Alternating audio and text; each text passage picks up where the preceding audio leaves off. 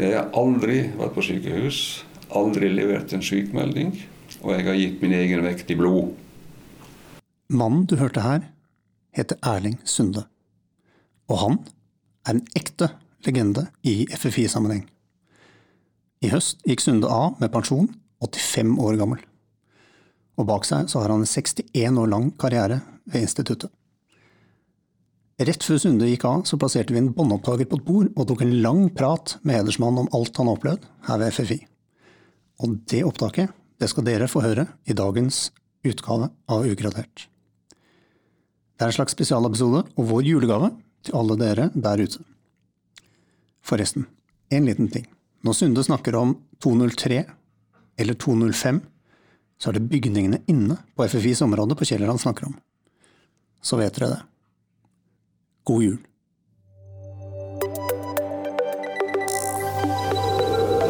Ugradert, en podkast fra Forsvarets forskningsinstitutt. Vi sitter nå eh, i et eh, nokså stille rom på FFI, og det er mm, fredag den 21. oktober 2022.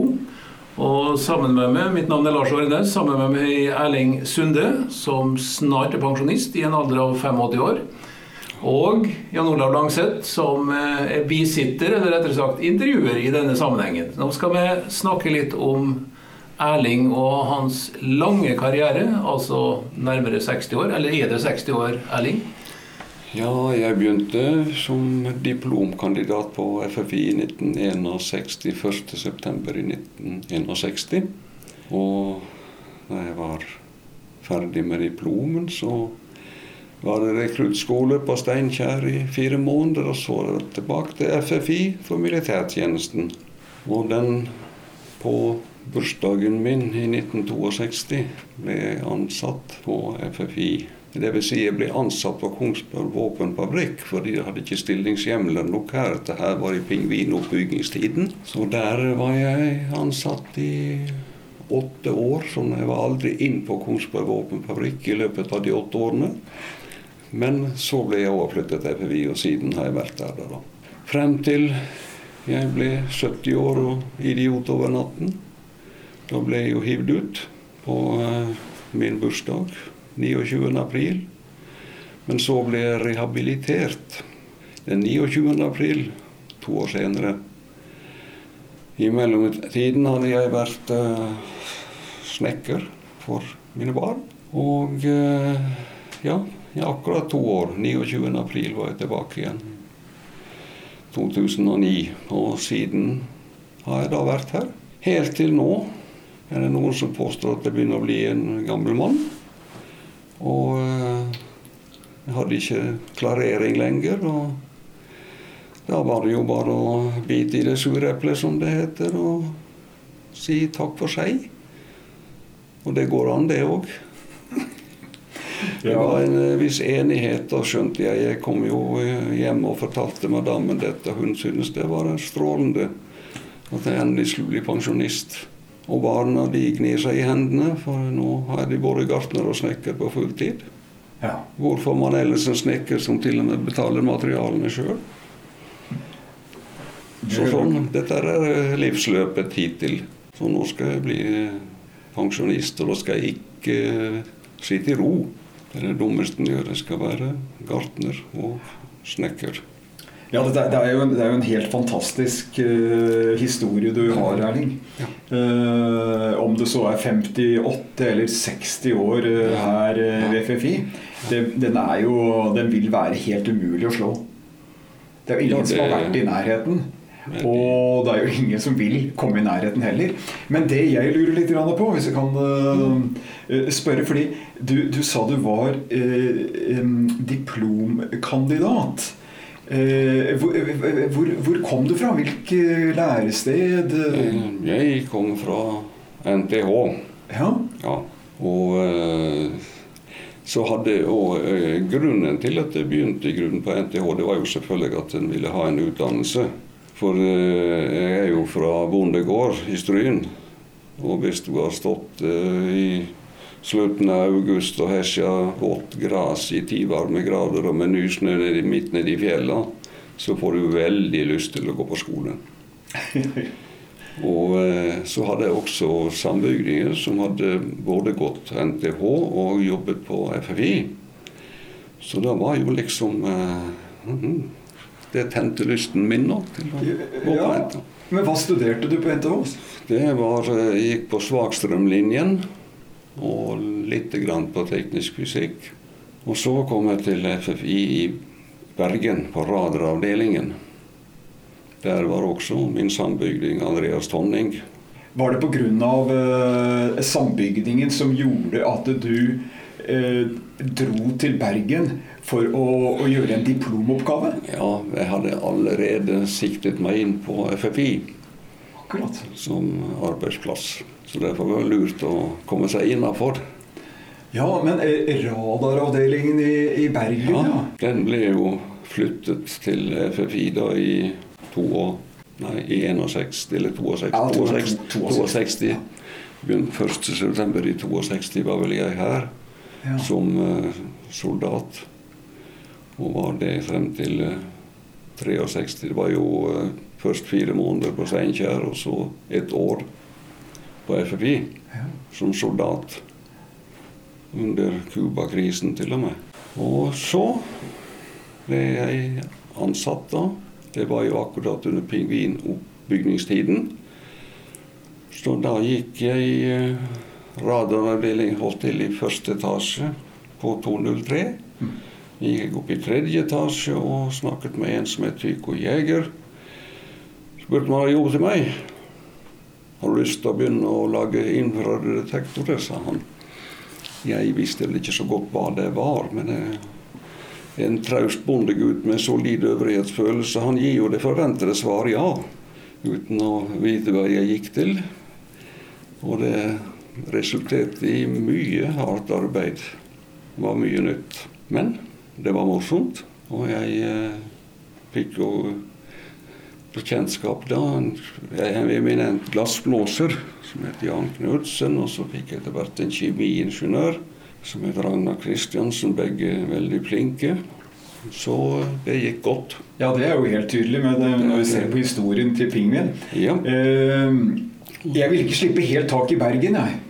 Fordi jeg har jo sett en, noe på historien vår. Mm. Og det som skjedde i Bergen. Og, det, det, om ikke akkurat ordet eksotisk, så er det jo litt spesielt. At vi hadde en avdeling der ifra, ja, fra 46 og til 62. Og ikke minst en del kraftfulle karakterer der også. Ikke minst Helmer Dahl. Traff du Helmer Dahl noen gang? Ja. Han var jo egentlig ikke ansatt Nei, eh, nei. etter 49, men han var jo, hadde jo mye med oss å gjøre. Jeg ble jo presentert også for Helmer Dahl. Ja. Hva slags inntrykk gjorde han? Jo, som de fleste andre på eh, radaravdeling. Det var jo His som var sjef der, forskningssjef. Andreas Tonning var der. Og jeg tok diplom for eh, Kjell Bløtekjær. Han var vel innom her også en stund før han ble NTH-mann, han også. Mm. Så det, det var eh, mye bra folk. Og, en interessant tid, det må jeg si. Og så, og så, så kommer du altså hit eh, i 62, og egentlig Ja. i startfasen på Pingvin. Ja, men da var jeg fortsatt på radaravdelingen. Og Ja. da eh, jobbet med mikrobølgerør. Jeg tok eh, diplomoppgave på det. Så, eh, så jeg skifta på en måte beite da, når militærtjenesten var slutt og jeg skulle begynne i lønnet arbeid. Men disse mikrobølgerørene, var de da knyttet eh, til, til radar eller til kommunikasjon? Det var, eh, det var eh, noen ideer som Andreas Tonning og Kjell Bløtekjær hadde. Så hva het nå diplomoppgaven da? Det var en eh, studie av støyforholdene i parametriske syklotronbølger for sterkere. Hører ikke det bra ut? Det der hørtes ut som en eh, Ja, ja. ja. Så, det, så var jeg eh, Kom jo hit da, vet du, og var på radaravdeling og gjorde egentlig litt forskjellig småslusk. Helt da til jeg ble ordentlig stipendiat først, da, og senere forsker på pingvin. Og siden så bare gikk det slag i slag. Det var nok å gjøre, og vi hadde suksess. Men du begynte, du ønsket Du lurte rett og slett på om det var en jobb for deg her. Og, og da gikk du to etasjer opp. Ja. Og, traff, og der traff du altså eh, også en annen markant Ja. skikkelse ved FFI og Jeger. Ja. Hvordan var møtet med han? Jeg traff han, han kom ut av kontoret sitt, og jeg sa hei, har du jobbet til meg? Fortalte hvem jeg var. Et eh, øyeblikk, sa han. Så fløy han ned i første etasje og spurte de som hadde vært mine sjefer der, hva slags fyr jeg var. Kom han opp igjen og spurte om hadde lyst til å bli lage infrarøde detektorer. Han visste at jeg har vært i komponentbransjen før, da, med mikrobølgerør og den slags. Det hadde ikke så mye med hverandre å gjøre. Lite grann. Men eh, jeg hadde en viss erfaring med noe. Men ellers så ingen andre hadde noe erfaring med infradetektorer i Norge. Iallfall ikke av den sorten, som måtte kjøles med flytende nitrogen og den slags. Så det var mange teknologier å sette seg inn i. Men morsomt. Men, men hvordan var søknadsprosessen da? Hæ? Ja, Hvordan var søknadsprosessen for deg da du skulle bli forsker her? Eh, skriv et par linjer på et ark og komme med det i morgen tidlig, sa Tycho. Og det gjorde jeg. Og det var, da var jeg ansatt. Og jeg har, eh, og jeg har aldri vist eksamensvitnesbyrde fra NTH til noen. Det var ikke noe å skamme seg over det. Men eh, sånn var det den gangen. Da var det behov for folk, og det var eh, entusiasme. Og, og ja, det var arbeidsomt. Jeg vil nok si at lørdag og søndag var skremmelig lik tirsdag og onsdag den tiden. Det, var jo, det, det, det er jo ingen tvil om at selv på det tidspunktet, der tidlig på 60-tallet, så hadde jo pingvinprosjektet en, en høyst spesiell posisjon på FFI. Ja, ja. Ved at det i enda større grad enn uh, Terneprosjektet samlet aktiviteter. Eh, og da er det jo umulig å komme utenom Finn Lied. ja. Og du traff jo Finn Lied ganske tidlig, du gjorde det ikke det? Jeg gjorde det. Jeg tror det var tre uker etter at jeg hadde sagt ja til å lage detektor. Da var jeg på vei til kantina. Jeg kom til trappen. Der kom Lid ned trappen. Jeg visste hvem han var, men til min forbløffelse sa han Hvordan går det, Sunde? Jo, man gir jo igjen det forventede svar. Ja, det går bra. Snu og bli med. Så gikk vi tilbake til 203. Han la sin venstre hånd på min høyre skulder og fortalte meg for et enormt ansvar jeg hadde påtatt meg ved å si ja til å lage detektor. Jeg følte meg nokså uh, mo i knærne. Eh, Men slik var det. Og, og Lid, han kjente alle. Jeg hadde vært bare tre uker, tror jeg, siden jeg sa ja til den der jobben, så visste han at jeg het Sunde. Og, ja. og eh, jeg ble jo for stadig, når jeg møtte han, forhørt hvordan det gikk. Ja. Og da, da svarte vi alltid at det gikk bra. For eh, Lid hadde også en vane at han kom innom laben lørdager. Han bare åpnet døren og spurte er du lykkelig, har du noe å gjøre. Og igjen var det forventede svar ja. Både lykkelig og hadde noe å gjøre. Så det var liksom andre tider. Er, eh, Ja, han øh, Jeg har jo øh, inntrykk av at Finn Lid, han var øh, Han var både høyt og lavt og overalt. ja, ja, han var det. Så du, du øh, helt i starten, da du altså rett og slett fikk den på mange måter overveldende oppgaven med eh, å lage en detektor Materialet var vel nytt? Helt, eh, I dag begriper jeg ikke at noen ville sette en sånn rimelig nyutdannet person i en sånn jobb. I dag har det jo vært en gruppe med en leder som kanskje hadde litt erfaring. Men det er eh, innsats som teller, altså. Er, eh, da blir det blir det, fort. Og det var ingen andre som kunne noe om det her i Norge. En, en kjølt detektor. Og jeg, eh, jeg, må jo si at Gud var rett åt, altså, for det kom jo på markedet detektormateriale som het indium antimonid av bra kvalitet. Akkurat når jeg hadde behov for det. Og det her skal jo monteres inn i en termosflaske, en bitte liten termosflaske for å kunne kjøles med flytende nitrogen. Og der kom det også på markedet Der er det metall og glass som skal føyes sammen.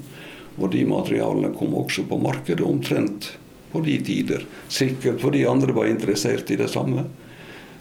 Men jeg var heldig og kom inn i businessen på riktig tidspunkt.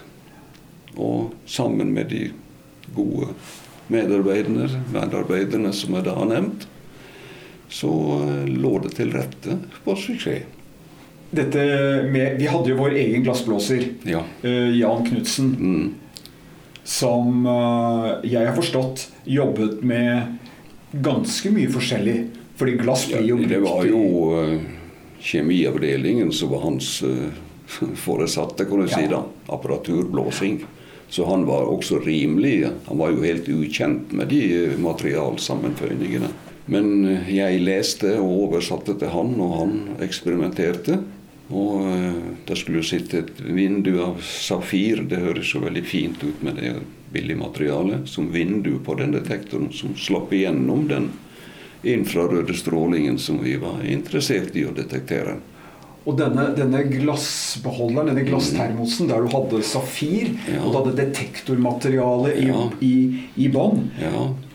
var det slik at det er en utfordring altså, den, måtte, den måtte jo kjøles ned mm. for uh, å ikke få for mye støy i hele Ja, For å bli brukernes detektor. Ja, ja for dette, jeg, det, jeg tenker ja. på dette her som Hvordan skal du ta et bilde hvis du står noen og lyser med en lommelykt inn mm. i, i, kameraet ditt? Ja. Uh, så hvis du ikke klarer å kjøle ned den termiske detektor, så blir jo effekten den samme. Den blir jo strålt over av støy hele tiden. Ja. Men, men å kjøle ned, da var, var, det ikke da en utfordring at du må jo ha vakuum inni denne glassflasken eller yes, termosen? det må du ha. Ja. Så det må holde tett i mange år helst. Og, der, og der, da må det også monteres et såkalt getter, som er et materiale som absorberer restgassene i, inni vakuumet. Og det som måtte diffundere inn. Så det skal jo holde vakuum i årevis, det der. helst. Og det gjorde det. Men ehm, etter hvert så ble jo disse detektorene, eller søkerne etter hvert, de ble jo testa. Så var, var, du på lab, eller var du med på testfyringer? Jeg var med på alt. Med, nei, ikke på fyringer. Nei. nei, nei, nei, jeg var bakmann. Du var bakmann, ja. Lagde detektor, og så eh, og så ikke å forglemme, det måtte, her måtte jo vibrasjonstestes og sjokktestes. Det skal jo skytes opp. Så det må jo tåle litt av hvert. Det var jo også en utfordring å ikke få resonanser i detektoren som ville ødelegge, skape støy. Det var en mangeartet teknologi. Men hvordan ble det, hvordan ble det gjort, da? Dette med å, å, teste med vibrasjoner? Ja, det var Vi hadde testutstyr nede i eh, monteringshallen, som det heter ned på, eh, ved rampa i 203 nå, da. Og eh, der ble det satt inn i, i eh, holdere da, og vibrert fra lav frekvens og oppover til gjerne 3 kHz. Og da skulle man ikke ha noen resonanser, for da får du støy som det, så det holder. Mm. Så den måtte være nøye når man konstruerte denne termosflasken. Det var jo et innerrør som var en lang stav. Det var jo som en stemmegaffel. Så det var jo bare kunst da, å lage den ikke for tung i enden, så det, du fikk resonansen over til passbåndet til forsterkerne. Så det var mye å plages med. Ja, det vil jeg tro. Og, og etter hvert så ble jo pingvinmiljøet med alle undergrupper, det ble jo ganske stort? Ja da, det, det vokste bratt. Ja. Det gjorde det. Og den første versjonen av pingvin, den sånn slik jeg har forstått det, den ble jo uh, utviklet uh, hos oss i sin helhet. Helt, helt totalt. Og, og, og, og dette ble jo også det første heimende missilet i Nato-sammenheng, har jeg forstått. Ja. Det var veldig tidlig ute. Veldig tidlig ute. Det var, ja, det var jo ja, Karl Holberg vil jeg jo nevne da, som en primus motor i prosjektet også. Det var jo en luring også. Ja, jeg har, jeg har forstått at Karl Holberg, han uh... Ja, ja, og det, det var nødvendig, det. Da var det ganske så enkelt å få gjort ting uten altfor mye prosedyrer. Og det måtte til i et sånt prosjekt. Nå til dags er det at det har vært en gruppe, stor gruppe og mye mer eh, Det har gått mer langsomt, tror jeg. Kanskje det var enklere å få igjennom prosjekter tidligere enn det ja, er som er tilfellet nå? da? Det, og det var det helt sikkert. Å ja, ja, ja.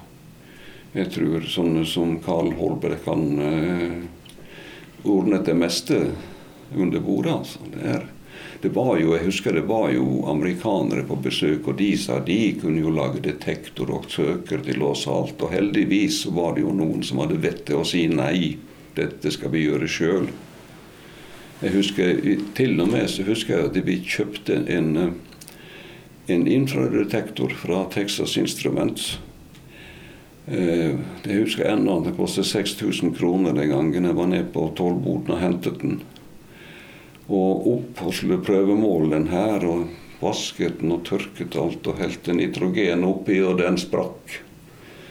Og da var det og sa dette her må vi gjøre sjøl. Så slik ble det. Ja. Og så bare gikk det videre, og alle jobbet. Det var, ikke bare, det var ikke bare jeg som ble pålagt en sånn, oppgave. Det var jo andre deler av, av missilet vet du, som ble Vær så god til, til en eller annen nyutdannet person. Og det gikk, det. Så det er, eh, som amerikanerne sier, det er utrolig hva man får gjort bare man er få nok. Ja, det en, eh, den har jeg ikke hørt før. Ja. Den var god. men, men, eh, så etter hvert i den gruppen som du ble en del av, som du var Mm. ganske alene sammen med en kjemiker og glassblåser Ja. Hvor mange blei dere når det gjaldt dette med å utvikle selve detektoren? Det, nei, det var jo Det var jo han kjemiingeniøren, da. Og jeg som jobbet med selve detektorelementet. Og så var det glassblåser Knutsen og jeg som jobbet med termosflasken. Så det, det gikk, det. Det ble jo stadig forbedringer og nye modeller, da. Vi fikk jo erfaring etter hvert, og det må jo sies. Og det skjedde jo utvikling på materialfronten. Ja. Og det, og det var jo prøveskytinger, og det, for å skryte litt av meg sjøl, så har aldri det vært en prøveskyting der detektoren har sviktet. Nei. Det eh, var andre ting som gikk galt, men aldri detektoren. det har jeg skjønt at det var også underveis andre ting som gikk galt. Men sånn er det jo nødvendigvis. Skal være sånn. Ja.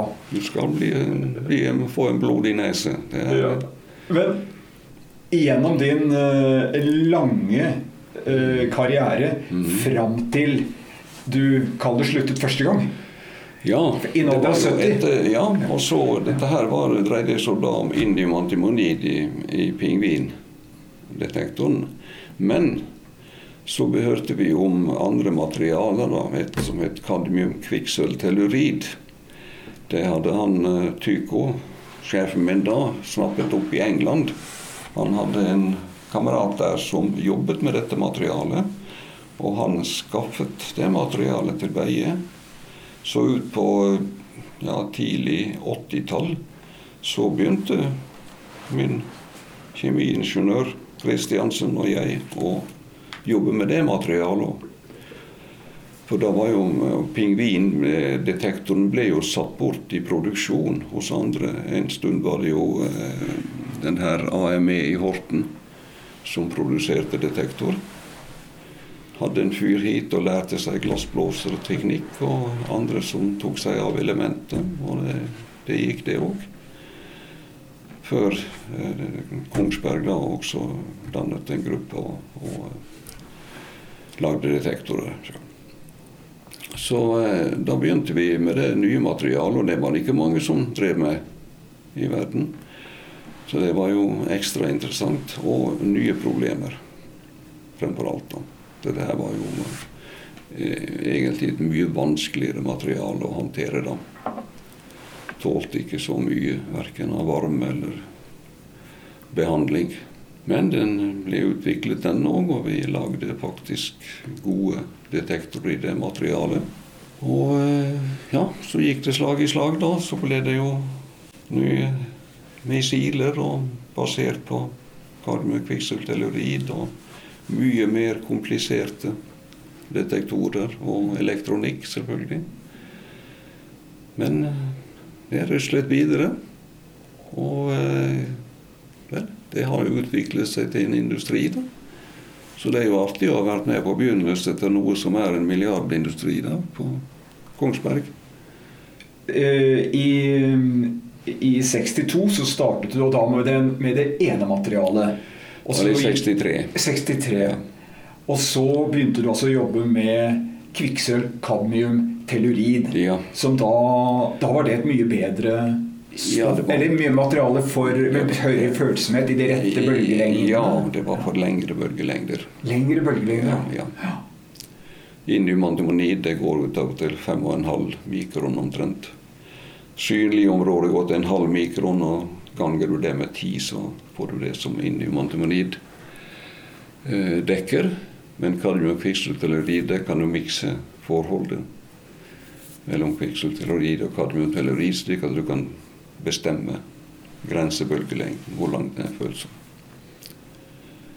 Akkurat. Så, Så, og, i, og i starten, eh, da du eh, begynte å jobbe med dette, så kan vi vel kanskje enkelt si at eh, detektoren skulle oppfatte et eh, varmt punkt på en kald overflate. Altså et skip Ja. på, på havet. ja.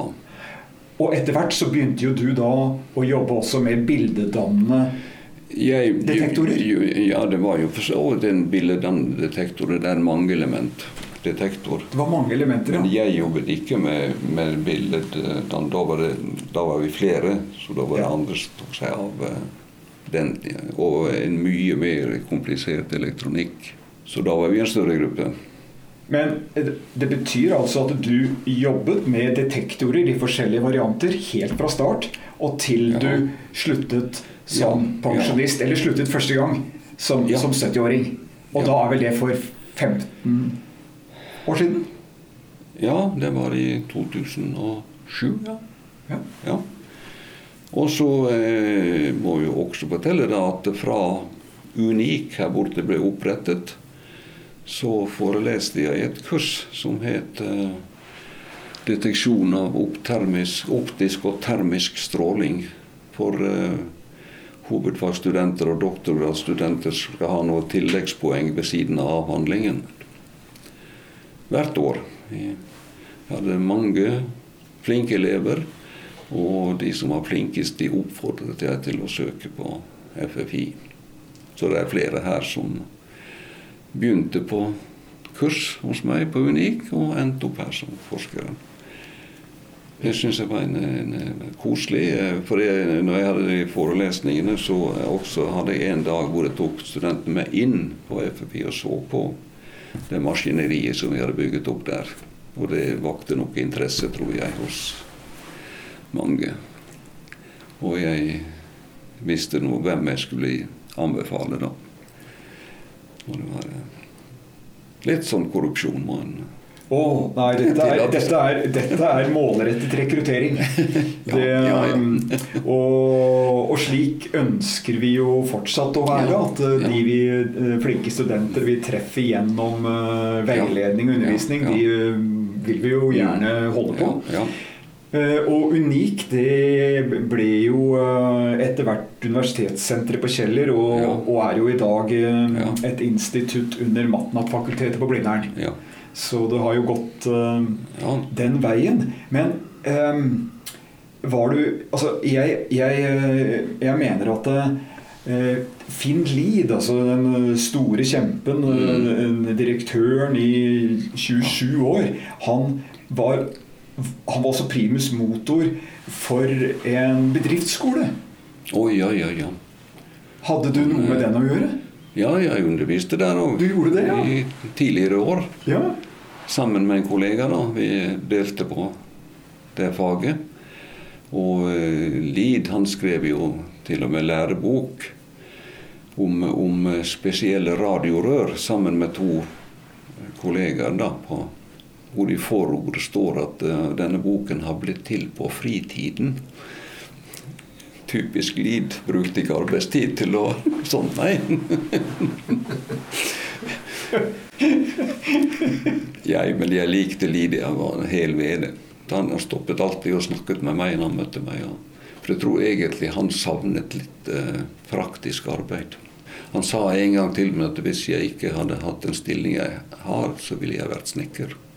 Finn Lid bygde jo tror, to hytter. Det blir jo fortalt om en at uh, han formannen på verkstedet var livredd, for han kom hit i helgene og, og sagde til trappeløp ja, ja. og sånn. Det, det, var jo morsomt. Han var jo en, eh, Liv var jo en ordensmann. Han likte ikke rot noe sted. Og det husker jeg at hadde, hadde bort på Trøndelag så hadde jeg eh, utsikt til en, en sånn Moelven-brakke som sto utenfor 205 når det stod et nytt bygg nå. Og Der sto for øvrig også en tønne som hadde brente litt eh, dokumenter som ikke skulle fyrt opp der og rota rundt i asken. Pluss de kremerte sånn uh, reinsdyr like oppover Finnmark for å kunne måle strontium-90 i kjøttet. Og um, der, trappen, trappen ut av den der uh, bua der, den var lagd av 224, men så var det en som stakk så mye lenger ut enn de andre. Og det der eh, så jeg.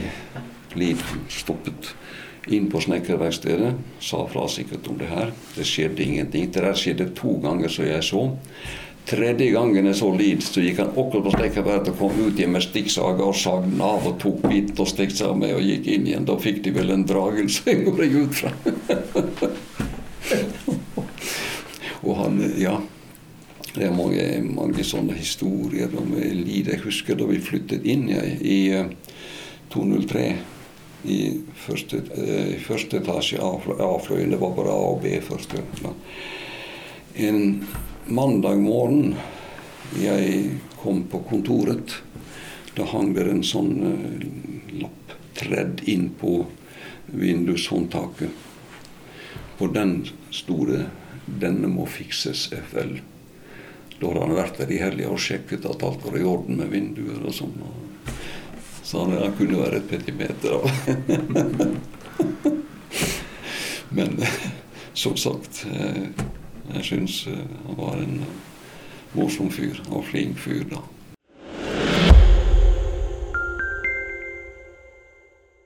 Nå har du redegjort for din første, din første, karriere på FFI, men vi må snakke litt om den andre karrieren. Altså du, ja. Hva, hva, er det som er grunnen til at du kommer tilbake? Altså, du, er jo, du er jo veldig interessert i FFI da, på en eller annen måte, og det er noen som er merka? Ja, jeg har alltid likt meg veldig godt på FFI. Så jeg går ut med gode minner. Og, ja, og veldig tilfreds. Jo, det var så eh, at um, da jeg ble pensjonist som 70-åring, så var det slik at eldstedattera og Familien de hadde kjøpt et gammelt hus på Blommenholm. Flott hus, stor tomt. Men det måtte jo gjøres noe med. Og da kan ikke du komme og rive ned det innvendige. Det skulle jo gjøres da. Og hele annen etasjen der, det var jo laftet. Så jeg skar jo ned vegger og støttet opp og bar ut isolasjon, ikke minst. For det var en blanding av sagflis og leire. Det var både støydempende og brannhemmende og alt sånt. Forferdelig jobb. Så jeg husket i da i um, 2009, i våren, 27. april, så ringte de fra arkivet og spurte har du lyst til å komme på arkiv og gå gjennom arkivet vårt Og der sto jeg svett og både frossen og skitten. Det her var en fredag i totida. Jeg nesten ropte ja. Jeg kommer mandag. De her eh, Datteren ble jo skrekkslagen, skulle miste snekkeren, men det var nesten ferdig. Og så møtte jeg opp på arkivet på min bursdag, 29. april, og var ansatt fra da av. Da skulle jeg bla igjennom alt av rapporter og alt mulig. Og alt det fra tidlig tid var jo strengt hemmelig og hemmelig, samme søren hva du hadde skrevet. Og eh, gå gjennom alt det her. Nå må det sies da at, eh, at eh, i første tider så skrev man jo rapporter som var to sider og tre sider og fire sider.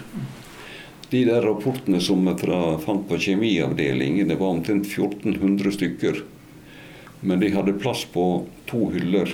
Men etter hvert så det her eh, maskinene kom hvor du kunne hekte på både en lang innledning og en lang hale, så eh, jeg husker de her, de her pappkartongene som du kan sette rapporter inn i.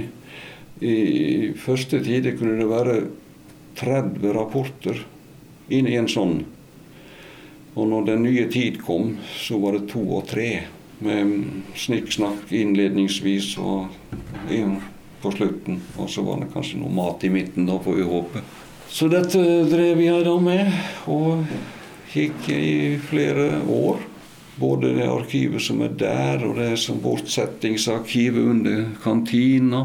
Det var jo ikke alt jeg hadde greie på, men det var jo mange jeg kunne spørre da, og det gjorde jeg. Så da ble den jobben også gjort. Da er jeg ferdig med det. Og så var det jo da Jaha, ikke noe mer å gjøre her, så jeg dro hjem igjen. Men det var bare et øyeblikk eh, så ringte de fra BEM Tormod Hansen het han den gangen, som var sjef der. Og spurte om jeg ville begynne å eh, liksom eh, sortere mer på FFI. Tja, hvorfor ikke, sa jeg. Nei, jeg har, jeg har, hørt at du er så flink til å kaste mye. Han hadde vært på arkivet og spurt. Og, ja, ikke snau sånn, sa jeg. Så det kan vi, sånn kom jeg inn igjen der, og der har jeg vært siden da.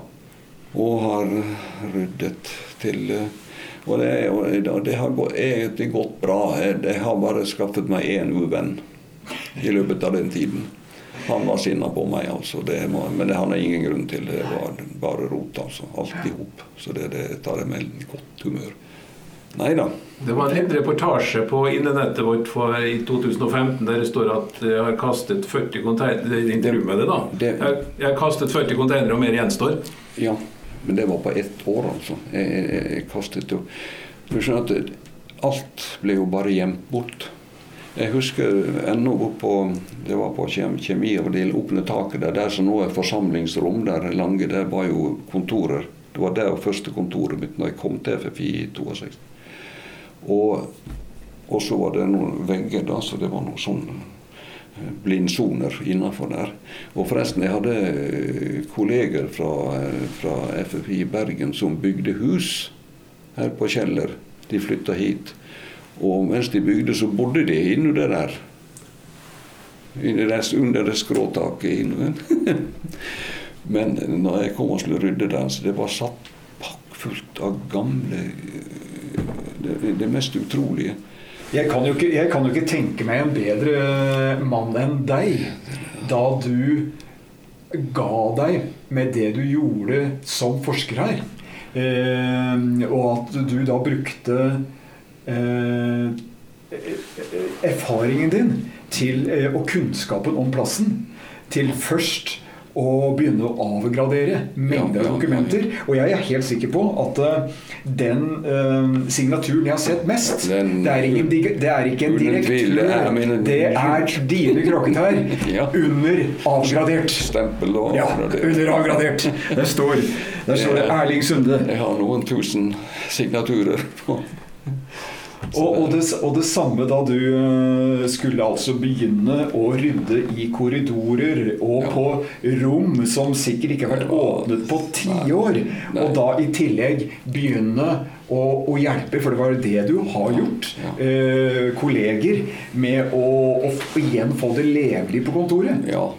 Og, og det fine er jo, Nå behøver vi jo ikke nevne navn, men jeg har jo sett kollegers kontor av den typen der det til og med ligger stabler med, med trykksaker foran tastaturet, slik at du faktisk må, må, må ha en veldig spesiell skrivestil. Du kjenner han?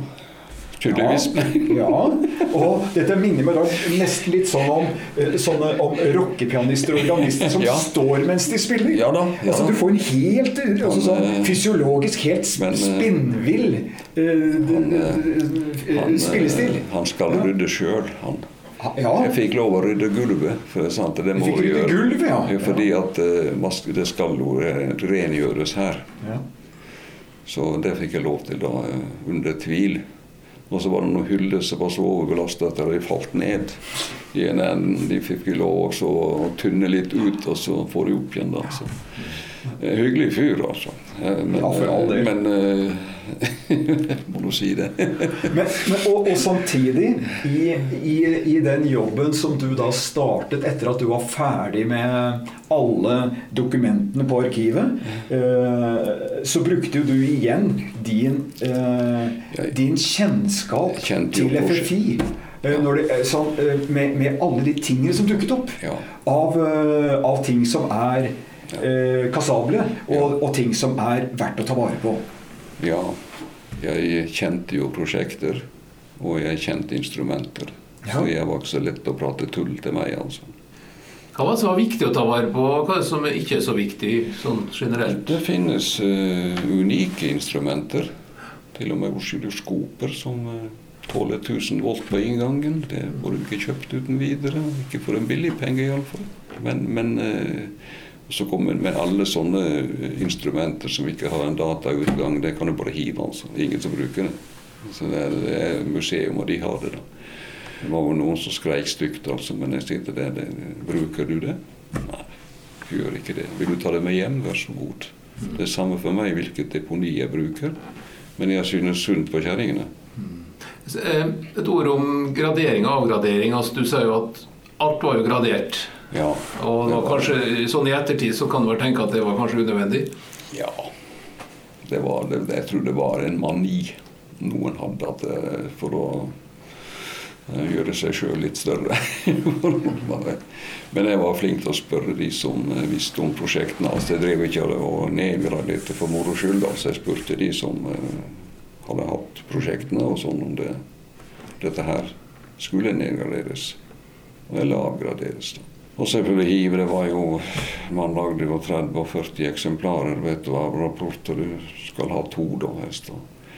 Så det ble jo noe overflødig der og da av hive. Altså. Så det ble mange, mye papir, mye god litteratur som gikk tapt. vet du.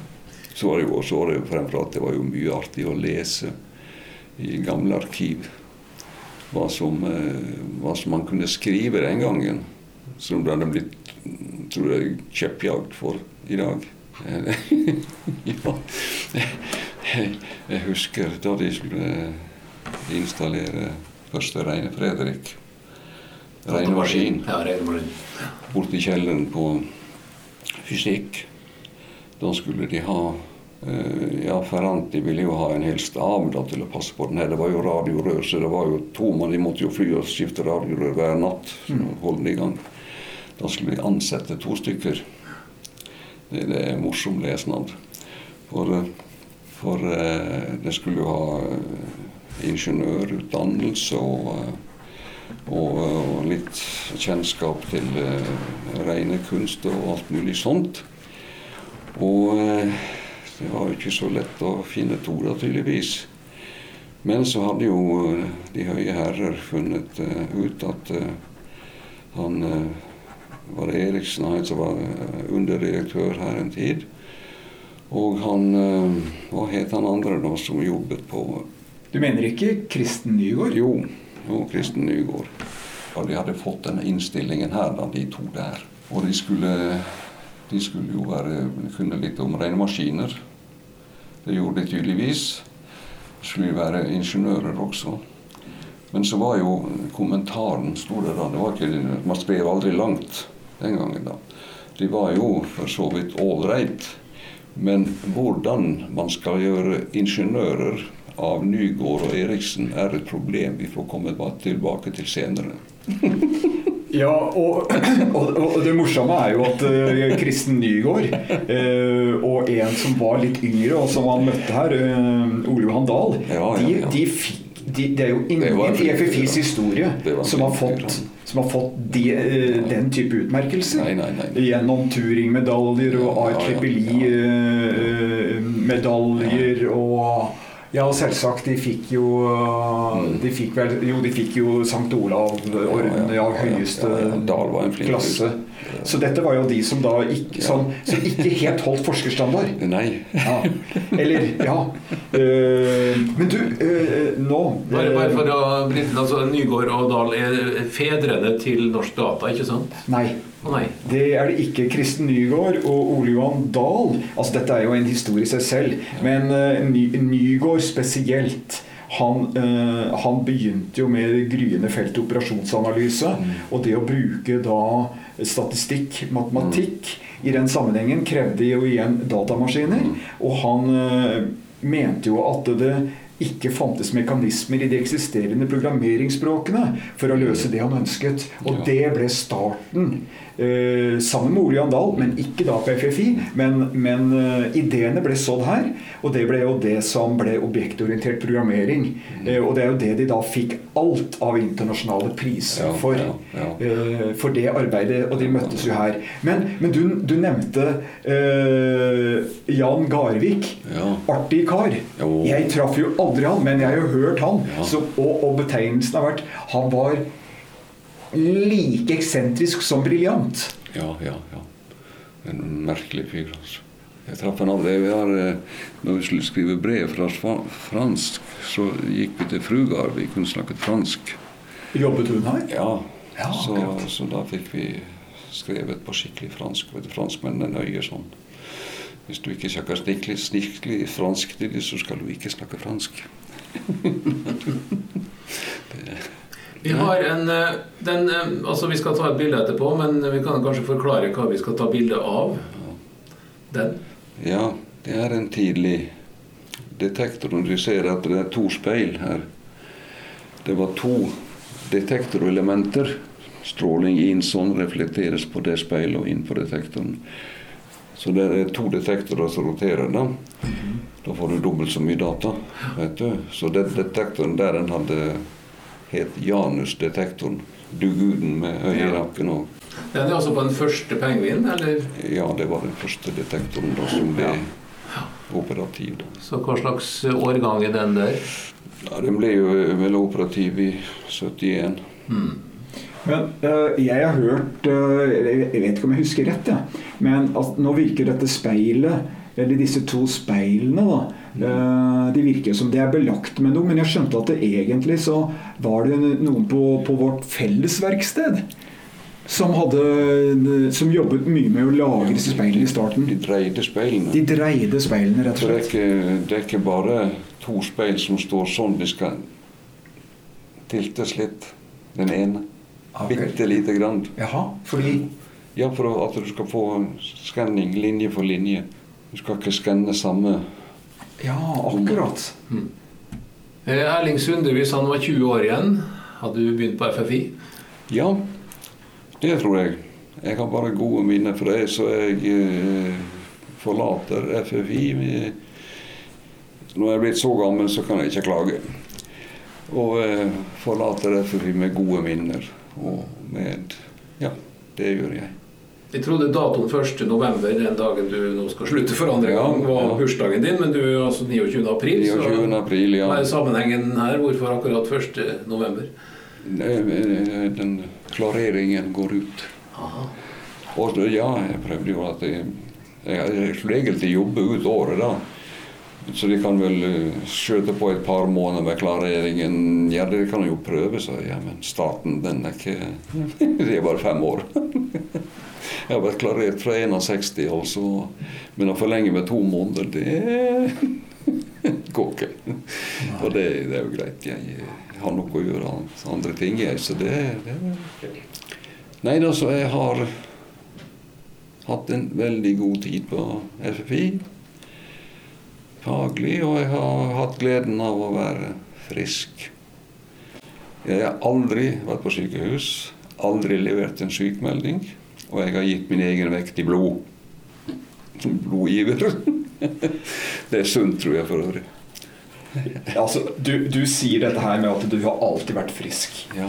Eh, og det tror jeg på. Ja. For, eh, fordi et bilde jeg også kommer til å huske den dagen jeg blir eh, pensjonist her, det er definitivt bildet av deg Erling Sunde i eh, olabukse, lys jakke, eh, to arbeidshansker, ja. bærende på kasser ja. som på ingen måte er lette.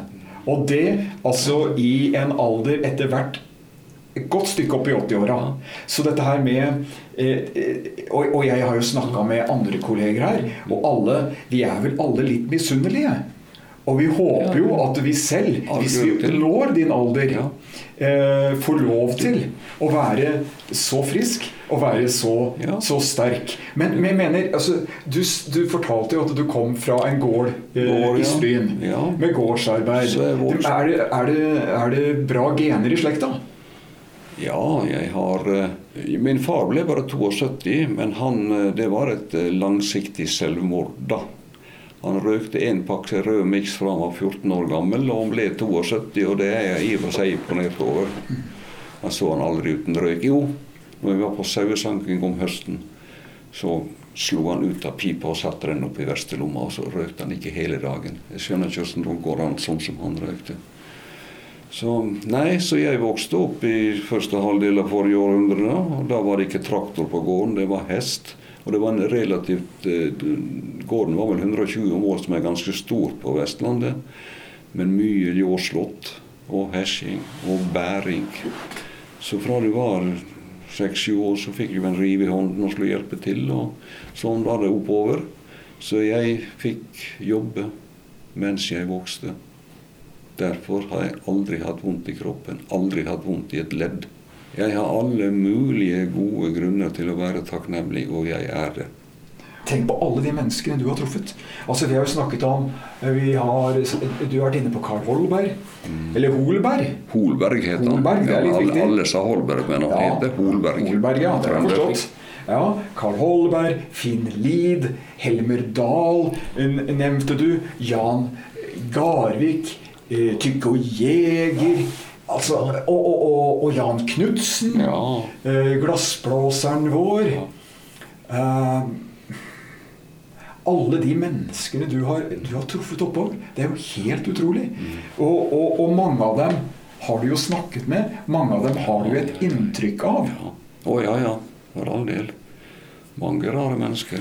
Ja, eh, også raringer. Ja. Og, og det, vi har dessverre ikke plass til dem lenger. Det, det blir jo på samme måte som Hvor er byoriginalene i dag? De er ikke der lenger. Og det samme med kanskje FFI-originalene. Jeg, jeg, jeg, vet ikke om du, om du, støtter meg i det, Erling, men eh, jeg, jeg, husker jo at da jeg startet her, så fikk jeg høre at det forskerbiler i betydning FFI-ansattes biler var et eget begrep mm. eh, i Lillestrøm-området. Ja. ja. For det var kanskje Var det kanskje biler som bar en viss preg av at det var flikket på og fikset selv? Både med ståltråd og gaffateip og det ja, slike? ikke sant? Ja, da, det var mye rusk. Ja, var mye rusk. Min, min, første bil var en IFA P70. En hva for noe? IFA P70 plastbil. Den kom inn til Norge på den måten at de leverte torsk til eh, Øst-Tyskland. Og så fikk vi biler tilbake, og det var IFA P70. Det var en 59-modell. Det var jo før eh, ting ble sluppet løs, vet du. Så den var laget av Det var øh, tjukk plast. Og, uh, og, så var det ramme under den. Hel stålramme. Og så var det eik, gulv, da, tverr. Og øh, isolasjonen Det gikk et hull i stofftaket, og det var Neues Deutschland avisen som var brukt som isolasjon i taket. Jeg kjøpte den av en kollega som skulle være i Italia i tre år, i La Spezia. For 1501 kroner. Det var høyeste bud. Og da, da hadde bilen hadde gått 30 000 km. Og jeg kjørte den til over 150 000 også, før den uh, veivakselen brakka. Så uh, det var en billig bil, du kunne reparere den sjøl. Jeg skiftet kanaler sjøl, de var jo av tre. Jeg husker jeg sto bort på Kjeller Ole bensinstasjon med stikksag og hammer og skruer og, og skifta kanal, og folk lo av meg. De prøver å skifte kanal på bilen din du for ti kroner. Det er planken kostet, så, de to plankene som jeg skulle ha på siden. Så kanskje du egentlig også hadde en av disse, disse FFI-forskerbilene? Ja, ja da. I aller høyeste grad. Det var, det var IFA P70 med skikkelig håndbok. Og så fulgte det jo med dårlig verktøy, da. Selvfølgelig skulle vi gjøre alt sjøl. Og det gjorde jeg jo.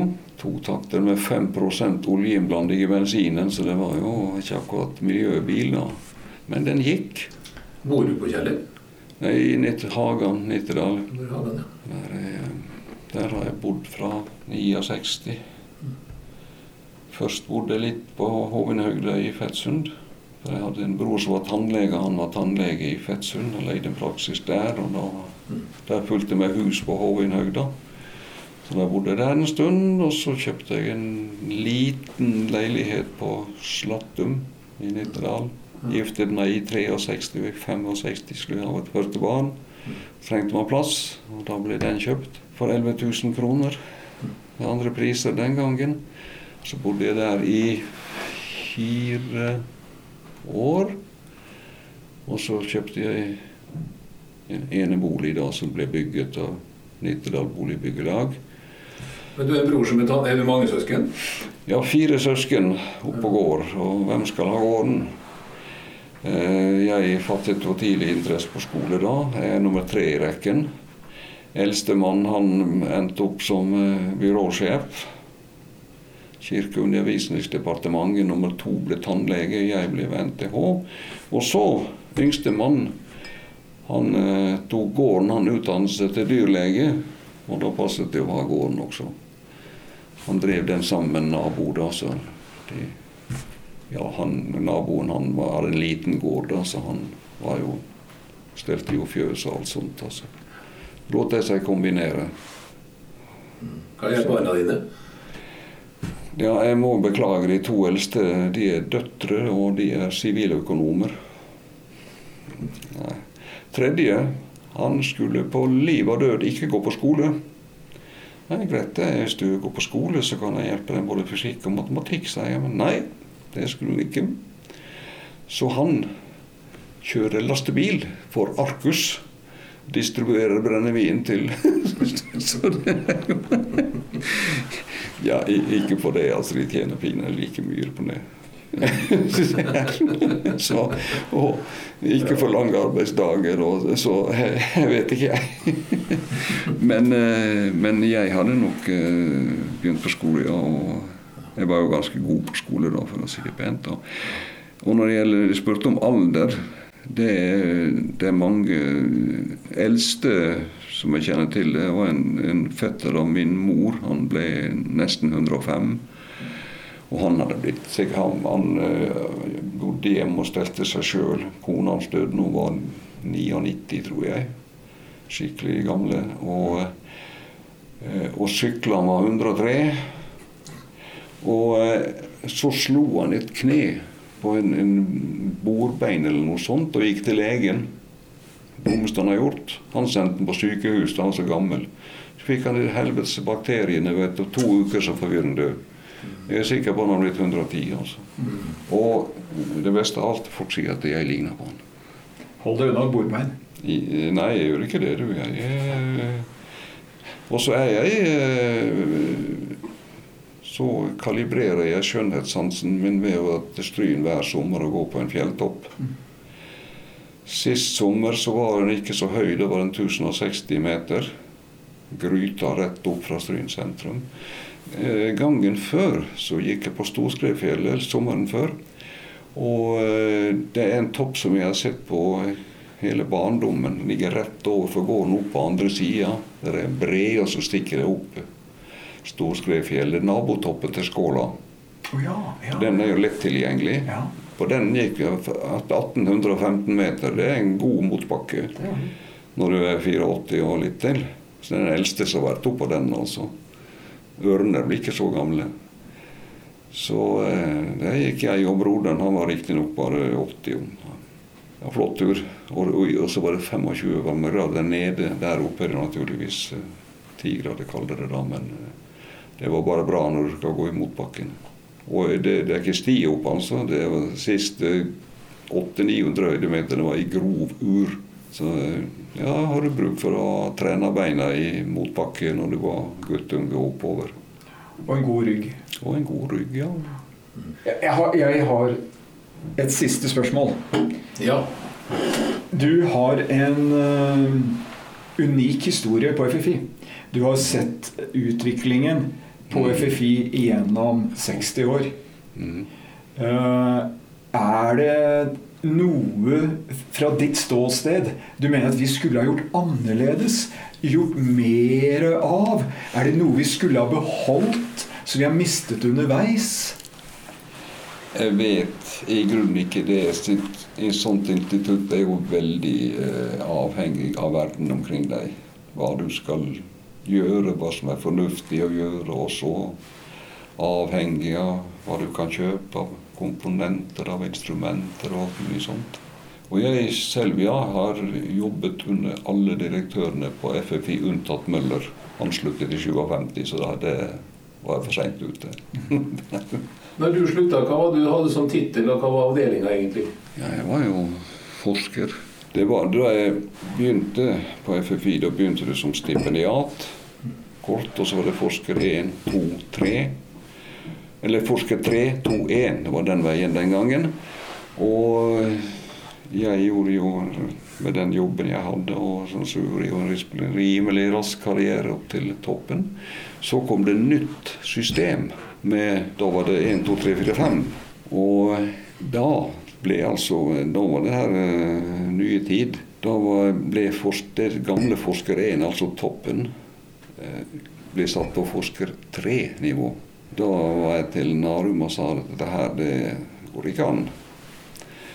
Uh, så han fikk meg opp til forsker 4. Mer kunne jeg ikke få pga. at jeg også hadde, jeg hadde fri en dag i uka pga. undervisningsjobben min på Unik. Så jeg tjente jo de facto mer som forsker fire pluss pluss uh, første amanuensis. Uh, så uh, jeg ga meg jo på topper. Og siden har det gått bare nedover. da, Nå går jeg og sorterer søppel. Så det er vel noe sånt de her danskene kaller en lakksko ned-karriere. jeg har trivdes med alt, jeg. Og det var jo sikkert fordi jeg begynte på, som slave på en vestlandsgard. Og, Ja, ja, og fattet beslutning om å komme meg oppover. og- Uh, Erling, du er jo Du er jo verdt en eh, en, eh, en, en, en tykk rapport. En tykk Hva var det de sa om det her som fikk eh, Norges Det var en som fikk Norges Vels medalje. ja. Og han uttalte at det var ikke nødvendig å gjøre så mye, bare man hadde gjort det lenge nok. ja. Og det er riktig. og Ja. riktig. Skal vi se. Da går vi ta med den. Jeg skal gjøre det. Ja. Jeg skal bare hente jakka mi. Ja.